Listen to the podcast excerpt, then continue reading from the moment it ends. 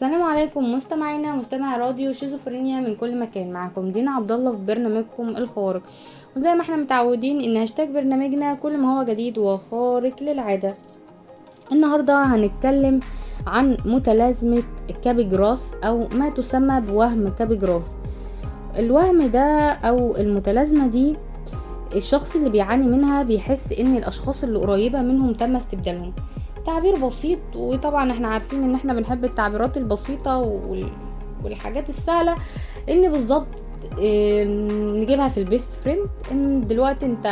يعني. عندك best friend من أول كوباية الشاي بتحكيها لها لحد قبل ما تنامي بتنامي الساعة كام فطبعا مرة واحدة صحيتي حسيت إن ال best friend هي بشحمها بلحمها بس شخصيتها اتغيرت أصبحت حاسة إن هي تم استبدالها ابتدت تحس بهلاوس من ناحيتها إنها عايزة مهدداكي إنها مش شخصية كويسة عايزة تقتلك حاجات غريبة. طبعا الموضوع مش بالبساطة اللي أنا بحكي لكم عليها دي بس أو نبذة صغيرة علشان يقدر يوصل لكم المفهوم عامل إزاي.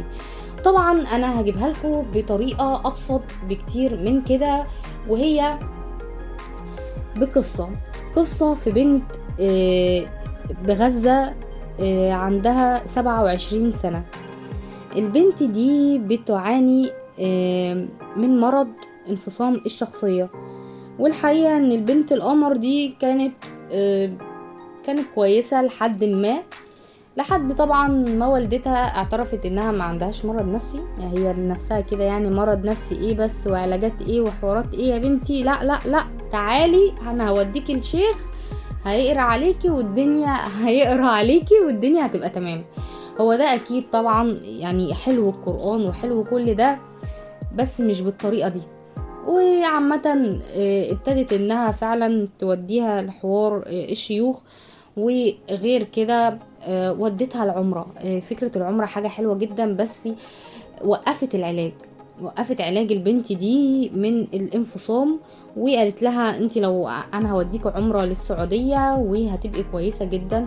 وبالفعل وقفت العلاج وراحت للسعودية ورجعت من العمرة تعبانة جدا وقعدت مع اخواتها في البيت ابتدت تحس وابتدت تهلوس وابتدت تحس ان اخواتها دول هيقتلوها وهما اختين والاختين دول هيقتلوها وابتدت تأذي نفسها وتدخل في نوبات هلع ونوبات هستيريا. بطريقة مش كويسة لدرجة إنها ممكن تحس إن كل اللي حواليها بيشكلوا خطر عليها. طبعا الأم كانت حكت الموضوع ده للأخصائية النفسية. طبعا والله أنا كل ما ما أجي أقرأ قصة و... ويعترفوش بالمرض النفسي بس هقول حقهم لأن دي كانت قضية في 2008 يعني هي من 2007 القضية دي. بس طبعا بس أنا هجيلكم وهي في مستشفى بغزة القصة دي حقيقية. المهم إن البنت دي انتهت بها الحال في مصحة. كانت بنوبات هستيريا وهلع مش قادرين يسيطروا عليها. وإنها غير إن الأدوية أصلا في المستشفى ما كانتش متوفرة بكفاءة فكانوا بيدوها دايما مهدئات لحد ما وصل بيها الأمر إنها عضت إيد أحد الممرضات وما قدروش يسيطروا على نوبة الهلع بتاعتها وابتدوا يدوها مهدئات طول الوقت. طبعا المحزن في القصة دي إن أختها بتيجي كل فترة بس تيجي تزورها علشان تطمن إذا كانت عايشة ولا لأ. يعني بتجيب ايديها كده بتحطها ناحية النفس اللي خارج من مناخيرها تشوف هل النفس فعلا طالع ولا مش طالع. القصة دي كانت في غزة أو ازدادت حالتها في غزة بعد الحرب الأولى وكانت عام 2008 وطبعا ما تحسنتش حالتها. طب إيه هي أعراض المتلازمة دي؟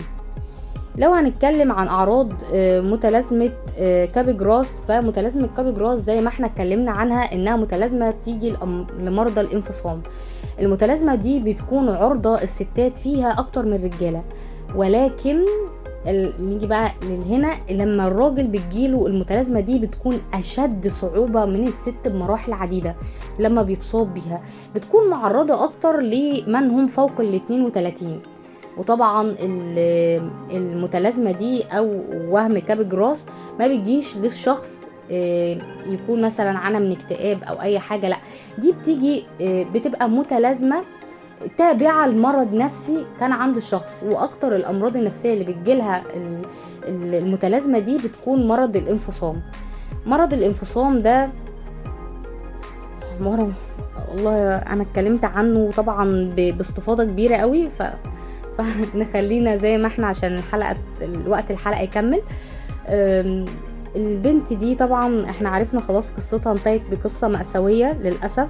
أه، وتقريبا يعني أه، ما ما عرفتش نهاية القصة بسبب الحروب اللي في غزة بس المستشفى كانت امداداتها فيها أو الطب النفسي فيها قليل ما كانش فيها بس غير إن أنت تنزل تجيب العلاج. يعني العلاج النفسي كان المستشفى ما بتقدرش توفره آه، غير إن المريض أو أو بالظبط عائلة المريض هي اللي بتنزل تجيب الأدوية من الصيدلية.